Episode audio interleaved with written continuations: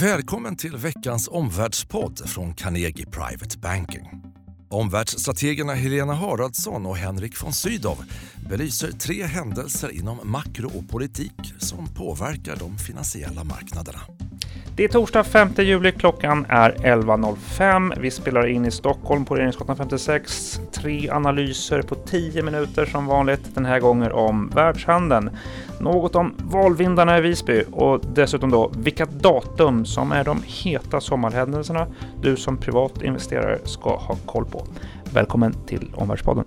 Helena, börsen börserna i veckan har ju pressats något inför att eh, handelstullar mellan USA och Kina Eh, nu då imorgon eh, träder i kraft. Det är ett uttryck eh, för att vi är i, i ett handelskrig som nu pågår. Tullar möts med mottullar och hot möts med ännu större hot. Vilka är de senaste nyheterna? Ja, precis som du nämnde Henrik, det är ju inget avbrott vi ser i upptrappningen. Nu på fredag, det vill säga imorgon, så blir USAs tullar mot Kina verklighet. Om då inte Trump skulle ändra sig i sista sekund. Mm. Och det handlar om 25-procentiga tullar på varor, både för industri och konsumtion. Och sen blir det ett andra steg faktiskt till hösten med nya tullar igen. Men en ny ganska oväntad uppfattning är att EU har ökat sitt hot mot USA. De säger så här, om Trump inför biltullar, då överväger vi att svara med tullar på varor för ett värde av hela 300 miljarder dollar. Det här är väldigt stora belopp. Viktiga datum att hålla koll på här, det är 19 till 20 juli, för då ska handelsdepartementet i USA ha sin stora allmänna hearing, alltså diskussion kring biltullarna mot EU. Och det här är viktigt. Sen är vi lite rädda då för att den här handelsoron kan bestå ända till november och mellanårsvalen i USA. Mm. Det är både oroande många, det är också signifikant kännbara tullar som kan slå både mot företag och mot hushåll. Om man summerar alla införda och hotande tullar så landar vi på varor som ligger över eh, 1000 miljarder amerikanska dollar. Eh, vad, vad ser vi för effekter nu av detta? Och man kan börja med att säga att vi ser effekter, bara det. Några bolag har ju faktiskt vinstvarnat kan man säga. Tyska biltillverkaren Daimler hänförde ju tullarna ett skäl till att de sänkte utsikterna. Men också flera bolag och i olika länder talar om att flytta produktion. Uppmärksammat var ju Harley Davidson, motorcyklarna i USA, men faktiskt också Osram i Tyskland då som gör lampor till bilindustrin.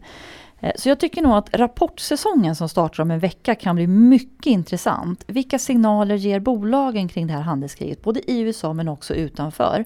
Och i Sverige så kan man fokusera lite extra då på veckan 16 till 20 juli, för det är då rapportsäsongen är som intensivast här. Mm. Eh, som ni vet, vi rekommenderar en lite mer försiktig exponering till aktier, då, särskilt till svenska börsen, därför att det är så tydligt att börserna är under påtaglig press av olika handelsnyheter. Men en ny oro som har seglat upp, det är faktiskt relaterat till Kina. Både deras börs och valuta faller. Och den här allt svagare yuanen då, som faktiskt är ner 10 av de 12 senaste dagarna, det oroar världen och USA, mm. för den ger ju Kina bättre konkurrenskraft. Kan det vara ett litet valutakrig som nalkas? Mm, och lite grann på det temat då, en lyssnarfråga som vi har fått är att eh, ja, ja, det är några som oroar sig också för en allt flackare avkastningskurva i USA. Slower and lower i USA som en del pekar på. Och att eh, just avkastningskurvan skulle signalera en kommande eh, recession. Stämmer det? Är du också orolig för amerikansk ekonomi? Eh, nej, men oron från investerare kommer så att de senaste 50 åren så har USA haft sju recessioner, alltså djupare konjunkturnedgångar och alla har föregåtts av en negativ avkastningskurva.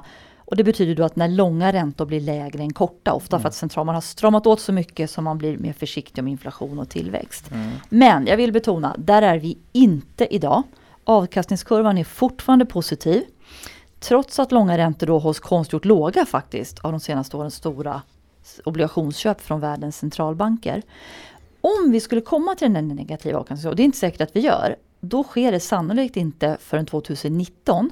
Och sen säger då de här tidssambanden att sen kan det ytterligare dröja då hela upp till ett och ett halvt till två år från negativ avkastning till en djupare konjunktursvacka. Mm. Så det här gör att vi inte oroar för amerikansk ekonomi, utan Fed höjer för att ekonomin är stark, inflationsriskerna ökar.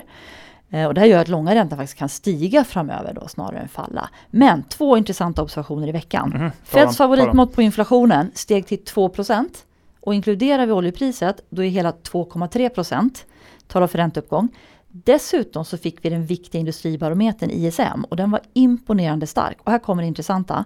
ISM-index idag ligger på nivån 60 och ligger det över 50 så innebär det expansion. Men USA har aldrig haft en recession mm. förrän ISM-index har fallit under 44. Vi är långt därifrån. Mm, Okej, okay, så vad blir den viktigaste faktorn följa under juli-augusti nu då? Eh, ja, även om vi inte oroar för amerikansk ekonomi så kommer handelskriget vara den viktigaste faktorn under sommaren för börserna. Tack. Ja Henrik, du startade ju veckan i Visby. Du var där bland annat med vår VD Björn Jansson på den så kallade Almedagsveckan. Hur blåser valvindarna i Visby?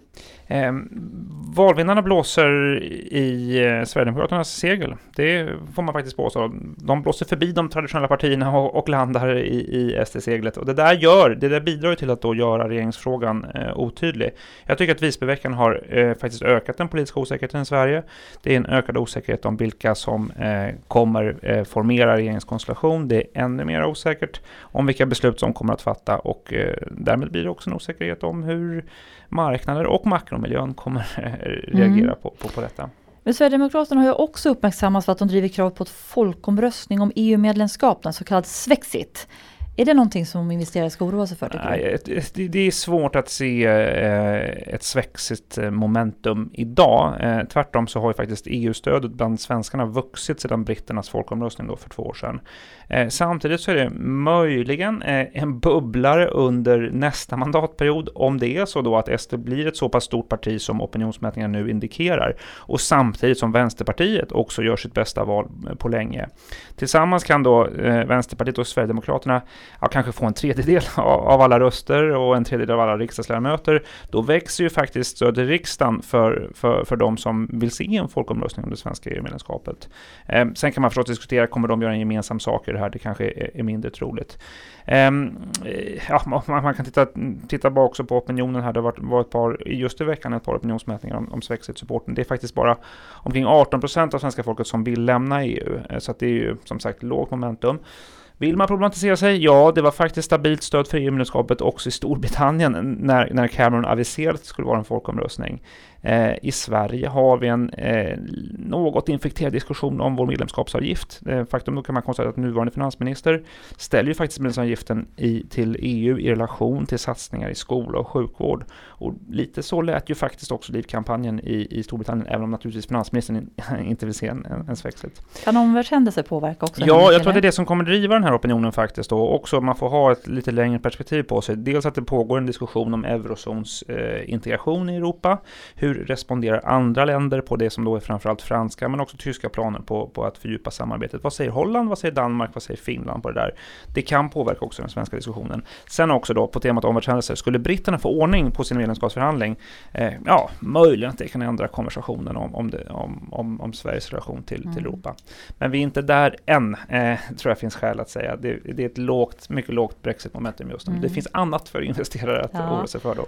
Och vilka scenario ska investerarna vara förberedda på? Inför valhändelsen? Ja, mm. då, ja, vi har ju sagt det tidigare att ett basscenario är 40-40-20. Eh, 40 för de, och en treblockssituation. 40 för de rödgröna, 40 för Alliansen och också då 20 för Sverigedemokraterna. Eh, Eh, Eh, det är också det som ungefär fångar opinionsmätningarna just nu.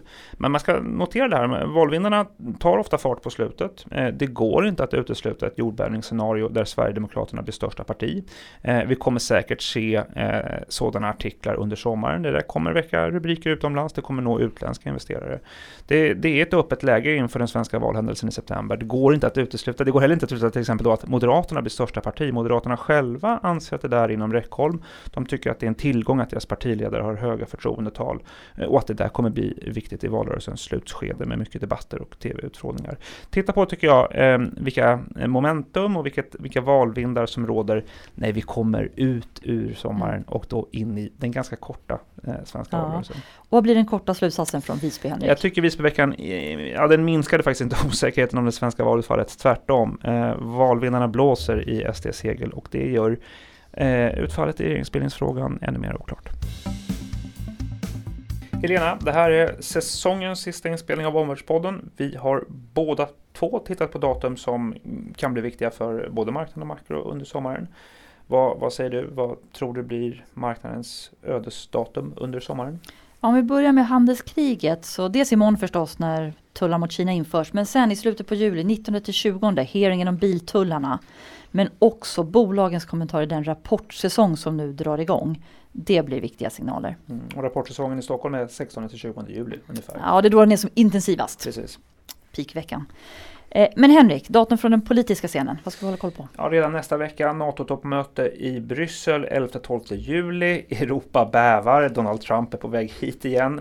Eh, eh, efter det, kaos får man ju faktiskt säga, han ställde till med på G7-mötet i Kanada, så finns det en oro inför det här. Han brukar ju också blanda in säkerhetspolitik med ekonomisk politik och handelspolitik, så det är ett viktigt tillfälle. Jag tror också att eh, han reser vidare sen då eh, till Helsingfors den 16 juli. Har han ett, eh, ett bilateralt möte. Det är ju väldigt mycket bilaterala möten för Trump. Han tycker det är trevligare än de här eh, stora mötena, G7-mötena, toppmötena. Då träffar han ingen mindre än Putin i, i Helsingfors. Det där tror jag kan spela roll för allmänna känslan av eh, riskläge. Ja, och i Sverige? Någonting att hålla koll på där? Ja, eh, det blir väl, eh, det finns ju en del, men jag, tror så här, man kan hålla koll på första veckan och andra veckan i augusti. Då kommer nog eh, partierna med plånboksfrågor och besked och valmanifest. Ekonomisk politik, det brukar ju oftast komma sent in mot en valhändelse, nära själva valhändelsen. Så väljarna har med sig det in i, när de ska fatta beslut. Och Helena, centralbanksagendan, hur ser den ut i sommar? Ja, de flesta har ju naturligtvis möten. Riksbanken har ju precis haft. Men jag tror att protokollet nästa vecka kan bli intressant. För två ledamöter hade ju avvikande åsikter om mm. räntan och en ville höja redan nu. Det är viktigt för kronan. Sen skulle jag säga att Fed-mötena är viktigare än ECB-mötena. Och de har ju då möte 1 augusti och 29 september. Och det är viktigt för börs och kanske framförallt utveckling på tillväxtmarknader. Helena, om du ska summera dagens tre slutsatser? Vilka är det? Ja, den första är att handelskriget sannolikt kommer fortsätta pressa börserna. Biltullar är det stora orosmolnet. Och den andra då från Visby är att valvindarna blåser i SD-segel vilket ökar osäkerheten i regeringsfrågan i Sverige. Och tre, om vi ska sammanfatta några ödesdatum, när det gäller handel, biltullarnas hearing 20 juli, när det gäller räntorna, Fed-mötena i augusti och september och när det gäller svensk politik, plånboksfrågor kan vi få nyheter kring första till andra veckan i augusti. Och med det så vill vi önska alla lyssnare en skön sommar och vi hörs igen i mitten av augusti. Tack för att du har lyssnat på Omvärldspodden från Carnegie Private Banking. Vill du veta mer om vad som händer i vår omvärld och få aktuella idéer till affärer? Gå då in på www.carnegie.se veckans viktigaste och prenumerera på vårt nyhetsbrev.